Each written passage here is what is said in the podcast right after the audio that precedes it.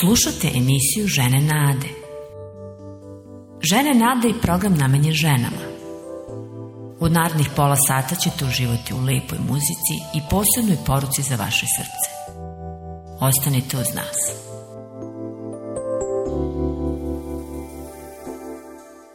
Iako je dan bio prelep i sunčan, odjednom kao da nas je zbrisao tsunami. Policija je banula na vrata i uhapsila nam najmlađeg sina. Bili smo u šoku. Ono što smo saznali nas je prosto slomilo. Godinama smo posmatrali našeg mališana kako raste, kao bistro dete, kako postaje pametan mladić, a sada je sve krenulo naopako.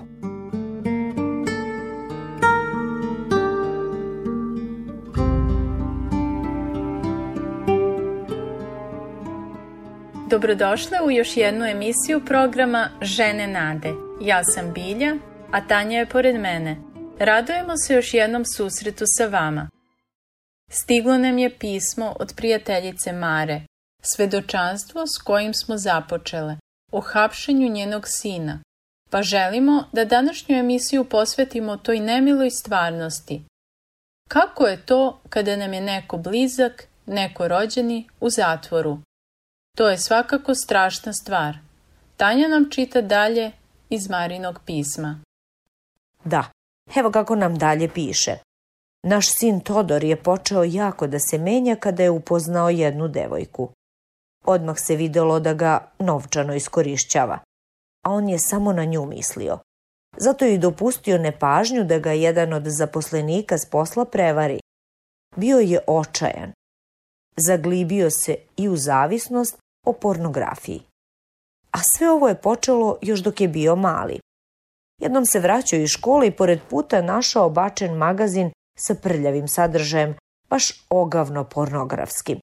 A znamo da je tu žena puka roba, predmet najnižih muških strasti. To ga je prosto zgrabilo. Vreme je prolazilo, a on nije mogao bez tih groznih časopisa. Kasnije, kada su se pojavili kompjuteri, sedeo bi do kasno u noć uronjen u iste užasne sadržaje. A sve to ga je činilo jako nesrećnim. Ovo je klasičan put pada u ropstvo greha o kome je pisao još drevni biblijski mudrac Solomon. A apostol Pavle piše ovako. U ostalom, braćo, Mislite o svemu što je istinito, što je čestito, što je pravedno, što je čisto, što je ljubazno, što je na dobrom glasu, što je časno, što je hvale vredno. Ono čime se punimo, ono što upijamo umom, to sigurno postaje naša praksa. Mara dalje piše da je osetila beznađe. Ona i suprug su se molili da gospod učini tako da malog oslobode, da se reši ove bede. I on je odgovorio, ali čudno i oštro. Bolje da vam pročitam njene reči. Policija je zaplenila Todorov kompjuter i u njemu našla da je gledao sadržaje koji su zakonom zabranjeni. Zatvorili su ga, a on je hteo da digne ruku na sebe. Bojali smo se da to i ne proba. Kao da se sve srušilo oko nas ali verovali smo Bogu koji nas čuje. Vapili smo mu da nam da snagu za ovu bol, za Todora da se otrezni i shvati svoje probleme. Molili smo se rečima cara Davida kada je i sam bio u nevolji. Strpljivo sam čekao na gospoda i on se prignuo i čuo mi vapaj. Podigao me je iz jame očaja, iz gliba blatnjavog, noge mi je postavio na stenu i učvrstio korake moje. Molili smo se u nadi da se i sam Todor obrati Bogu pokajnički. Uh, jadna majka.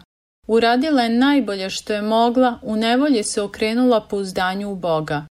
Znala je da je čuje, da vidi srce i kada nemo vapi. Čitaj nam dalje, Tanja. Todor je u zatvoru bio dva meseca, a mi smo ga obilazili koliko su nam dopuštali.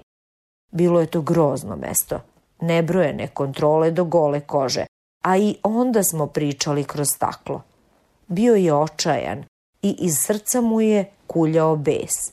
Nismo mogli ni da ga dotaknemo. Mogli smo jedino da se molimo za njega. Oho, tada smo shvatili nešto. Nije u zatvoru samo onaj koji je sa one strane rešetaka i njegova porodica je tamo. Često bih briznula u plač. Prijatelji i porodica su nas podržavali, molili se za nas i sina i to nam je jako, jako značilo. Desilo su se i neke dobre stvari. Todor je tamo imao prilike da se nađe pri ruci jednom starom zatvoreniku prema kome su bili jako surovi. Tvog čoveka niko nije obilazio. Njegovi su bili predaleko. Todor je razmišljao da se nakon izlaska posveti studiranju, a imao je i plan kako da reši problem sa novcem. Radovalo nas je što se okrenuo pozitivnim stvarima. Njegov slučaj su pratile novine i televizijske kuće. Sve je to bilo tako bolno i ponižavajuće. Uporno smo se molili Bogu za pomoć. Sudije je bio blagonaklon, mudar i ljubazan. Činilo se da je razumeo koliko je Todor bio pod uticajem svoje prošlosti. Odlučio je da ga oslobodi pod određenim uslovima. Todor je to prihvatio. Sve to vreme dok je ovo trajalo, okrenuo se učenju i korisnim stvarima. Bili smo tako zahvalni Bogu za njegovu dobrotu i milost. Dakle, gospod im je milostivo uslišio molitve i pomogao njihovom sinu da prekine krug te grozne vezanosti u koju je bio uhvaćen. Da, evo što dalje piše Mara. Iz svega ovoga naučili smo da Bog na neverovatne načine rešava probleme kada mu vapimo za pomoć. Sada morali smo to da prihvatimo. Taj njegov odgovor da budemo zahvalni, sviđalo nam se ili ne njegovo rešenje. Oslonili smo se na istinu njegove dobrote i pravednosti. On zna sve šta se dešava. On može da sve promene izvede na dobro, kada se mi pouzdamo u njega.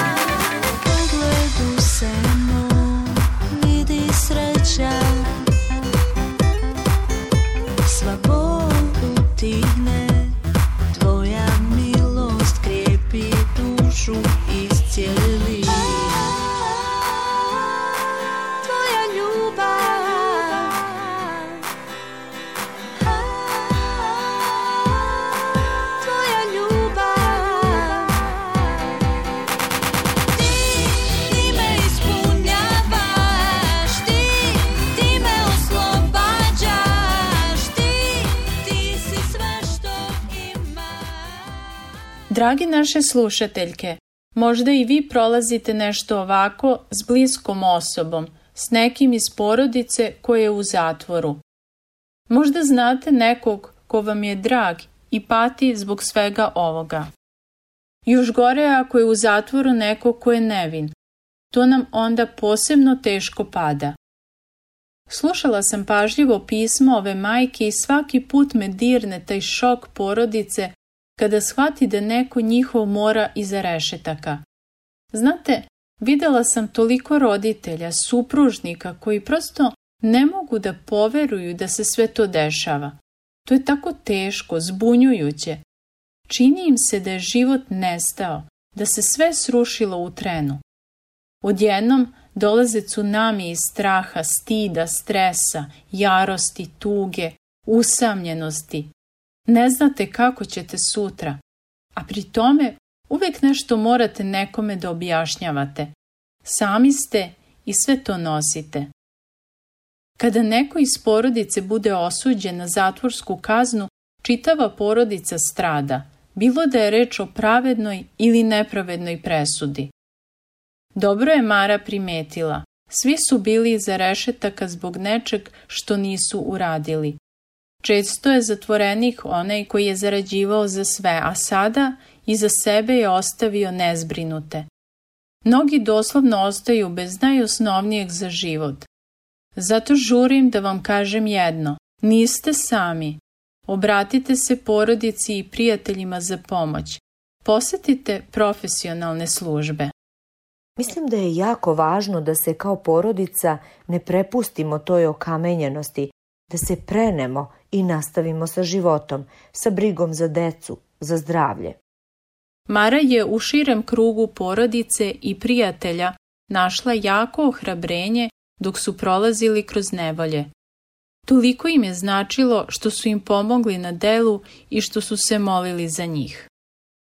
Ali hajde da kažemo nešto o samim posetama zatvoru.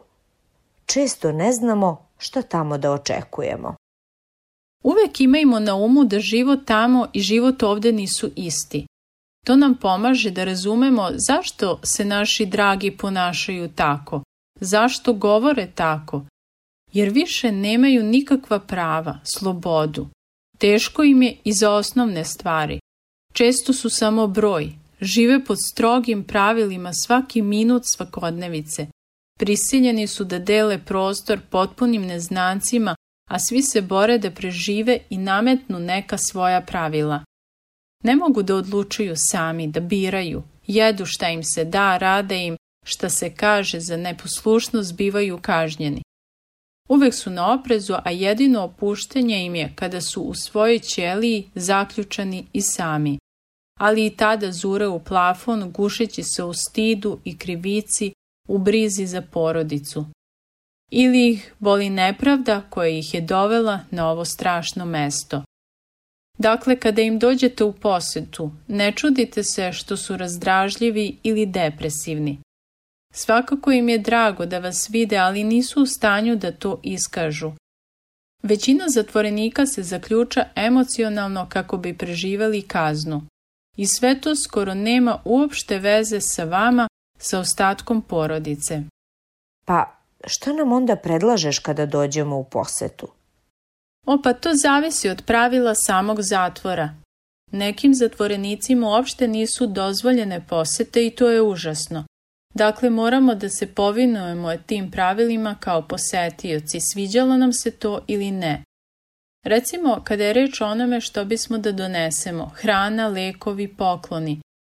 Smetali da dodirnete zatvorenika, da pričate nasamo, koliko traje sama poseta, kada vam je dozvoljen dolazak, smeju li deca u posetu, kakva pisma možete da pišete, kakve pakete da šaljete. Moramo sve to da znamo pre samih obilazaka. Greške mogu da nas frustriraju, izbace iz takta, zbog čega možemo i da trpimo posledice, ograničenja i zabrane. U skoro svim ustanovama tog tipa zatvorenik mora da dostavi upravi listu posetilaca kako bi njihov dolazak bio odobren. I prosto, ako niste na popisu i ako niste prihvaćeni, ostaćete pred vratima zatvora. Da, sve ovo je od velike pomoći kada govorimo o obilascima zatvorenika. Nije lako, ali je jako korisno za sve, zar ne? Spomenula sam na početku razgovora da sam provela u tom sistemu šest godina. Videla sam kako posete izgrađuju i zatvorenike i njihove porodice, ali sam videla i suprotnost, kako ih cepaju još jače i bolnije. Naravno, pitate se zašto. Pa zamislite samo kako je svima njima. Zaboravite sebe i sve svoje i usredsredite se na potrebe zatvorenika, a da u isti mah znate da im je vaše lice i dolazak sve što imaju od spoljašnjeg sveta. Zato, ako ste već tamo, posvetite se sasvim i birajte reči. Planirajte unapred ono što biste htele da kažete i kako. U sobi za posete je mnogo stvari koje skreću pažnju. Vreme kao da leti. Ne trošite ga na rasprave. Dajte sve od sebe da za to vreme pružite nadu. Govorite o budućnosti, o mogućnostima, o pripremama za te stvari. Uh, verujem da je veliko iskušenje da budemo ljute ukoliko je taj naš neko dospeo tu, jer je kriv i time je svima izazvao užasne probleme. Baš tako. Imate sve razloge ovog sveta da ste ljute, ali težite oproštenju i zajedno gledajte u sutra. Praštanje menja obe strane, i onoga ko prašta i onome kome se prašta. Praštanje nije poricanje problema. Ne, praštanje podrazumeva da je nešto zlo, ono loše, ali nudimo izlaz iz kruga krivice i besa. Upravo tako, Bog nama prašta, daje nam novi početak. Možda i mi možemo da toj osobi koja sada čami iza rešetaka ponudimo isto. Naravno, ukoliko on to želi. Nije lako preći preko osjećanja i dopustiti Bogu da menja stvari, ali kada baš tako uradimo, otvaramo put promene sutrašnjice za sve naše potomke koji su njen deo. Da, baš sam razmišljala o deci.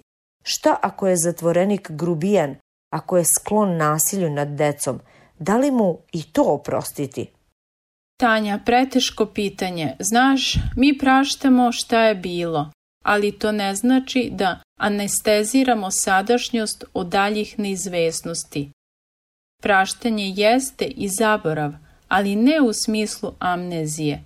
Praštamo u smislu odricanja želje i prava za osvetom. Ovo je baš teška tema. A šta kada se približi vreme izlaska, kada kazna istekne?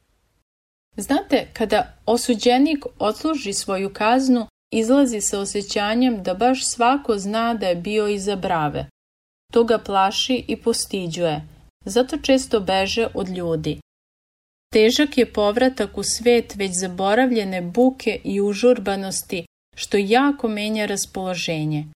Osjećaju se odvojenim od svega novog, jer su nastupile mnoge promene, posebno ako je reč o dugoj zatvorskoj kazni. Čekaju ih odluke, a od toga su se odvikli. I zato se mnogi vraćaju drogi i alkoholu kako bi se izborili sa svim tim promenama. Često se u zatvoru pokupe i nezdrave navike, uglavnom vezane za bes i agresiju. Ako je baš to slučaj s nekim vašim, uradite sve da potražite pomoć i zaštitite porodicu. Kako li je roditeljima koji se vrate kući iz zatvora? Toliko toga moraju da prihvate, toliko promena da bi se uklopili u porodični život.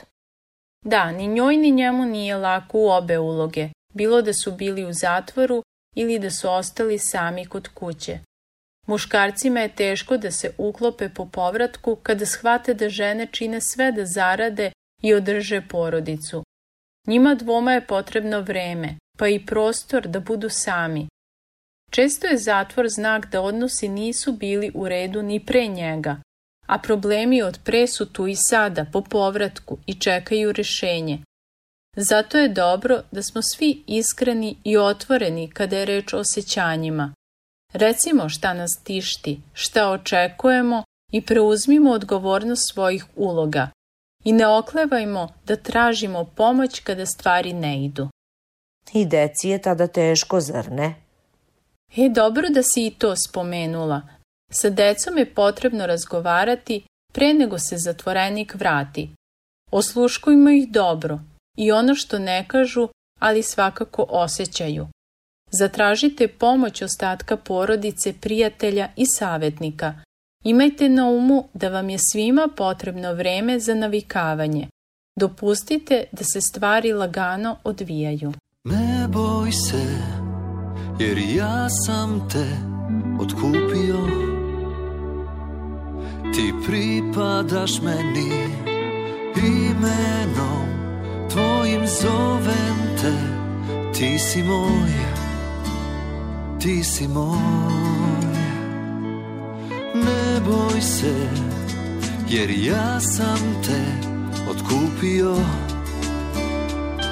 Ti pripadaš meni. Imenom Tvojim zovem te. Ti si moj, ti si moj. Dragocen si mi, mnogo mi značiš Volim te, sine moj Dao sam za tebe život svoj i otišao na krst da živiš ti. I gospod ti kaže ne boj se jer ja sam te otkupio. Ti pripadaš meni imenom tvojim zovem te ti si moj o ti si moj zato ne boj se jer ja sam te otkupio. Ti pripadaš meni imenom tvojim zovem te ti si moj ti si moj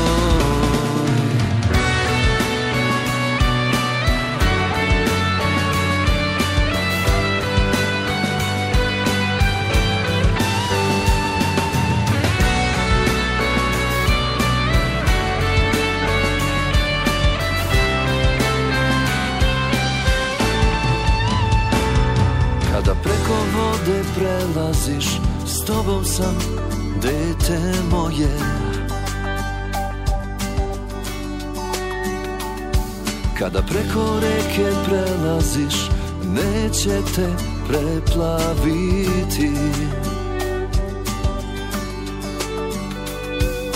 Pođeš li kroz vatru Nećeš izgoreti. Plamen te opaliti gospod ti kaže. Ne boj se jer ja sam te otkupio. Ti pripadaš meni imenom tvojim zovem te. Ti si moj o ti si moj. Zato ne boj se Jer ja sam te otkupio Ti pripadaš meni Imenom tvojim zovem te Ti si moj Ti si moj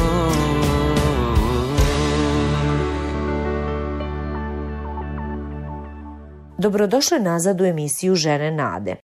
Govorimo o nečemu što svakome može da se desi na ovaj ili onaj način. Da nam neko rođeni zbog nečeg završi u zatvoru. To je period koji košta sve. I onoga koji izdržava kaznu i one koji nisu ništa manje zatvorenici na slobodi. Nego, znate li da su mnogi prvi Isusovi sledbenici završili u zatvoru samo zato što su verovali i drugima govorili o toj svojoj veri. Da, verovali su da je Isus iz Nazareta sin Božiji, da je spasitelj. Oduševljeno su svima govorili o njemu, ali to ih je često skupo koštalo. I danas mnogi čame po zatvorima zbog istog razloga. Pavle iz Tarsa je bio jedan od prvih vođa rane crkve. Često su ga hapsili, tukli i zatvarali u užasne rupe od tadašnjih rimskih zatvora. Prema zapisu novozavetne knjige Dela apostolska, tako je bilo i u Filipima, jednom od velikih gradova prvog veka nove ere. O tome je kasnije ovaj apostol napisao Znam i šta je to oskudevati, a znam i šta je obilovati. Pripremljen sam za sve. Mogu da budem sit, a mogu i da gladujem. Mogu da obilujem, kao i da oskudevam. Sve mogu, po onome koji mi snagu daje. Ovo je tajna pobede i nad ovom životnom nevoljom, način savladavanja teških okolnosti, prihvatanje sa zadovoljstvom. Zašto bismo tako nešto radile? Zato što znamo da ništa nije izvan ruku Božje svemoći. Zato što je u tom saznanju snaga. Pouzdajemo se da će nas Gospod provesti kroz sve. Život u Hristu nas ispunjava, teši i jača. Možda je iskustvo zatvora baš vaše iskustvo. Možda se i danas osjećate bedno, kao puka gubitnica. Možda vam je muž, sin, brat ili neko blizak iza rešetaka baš sada. Znajte jedno. Kada ste u gospodu, prošlost nema snagu da vam određuje budućnost. Bog ume, može i hoće, da od mračnih niti jučerašnjice izatka nešto bolje i lepše za sutrašnjicu. Predajte mu osjećanje odbačenosti i dobit ćete nadu. On vraća izgubljeno. Želimo da vas ohrabrimo. Ne dajte da vam greške prošlosti diktiraju život, ni danas, ni sutra. Potražite pomoć. Ne zatvarajte se. Očekujte bolje vremena s gospodom. Možda nas sada slušate baš iza rešetaka. Znajte da i tamo možete da budete slobodne ako se pouzdate u Isusa Hrista. Niste same. Gospod vas nikada ne ostavlja i ne zaboravlja. Istrajte u njegovoj snazi i obećanjima. Naučite se tajni zadovoljstva onim u čemu ste, u svim prilikama ili neprilikama. Često sam doživela da proživljena nevolja postaje snaga koja pokreće u bolje sutra. Verujem da bi se mnogi složili s tobom, Tanja. Kao što je i Mara naučila da čeka na gospoda, da mu predaje svoje neuspehe i potrebe porodice. Setimo se u molitvi svih zatvorenika i njihovih porodica. Ako ste u prilici, pomozite im na delu, onoliko koliko možete. Nego, vreme je da se rastajemo. Opet vas podsjećamo da bismo volele da nam se javite, napišete nešto o sebi, neko razmišljanje ili pitanje na ovu ili neku drugu duhovnu ili životnu temu. Javite nam se na Žene Nade, Poštanski pregradak 37 11060 Beograd ili na telefon 062 396 331. Pozdrav svima, drage žene Nade. Čujemo se uskoro. Neka vam Bog svojim blagoslovima pruži novu nadu.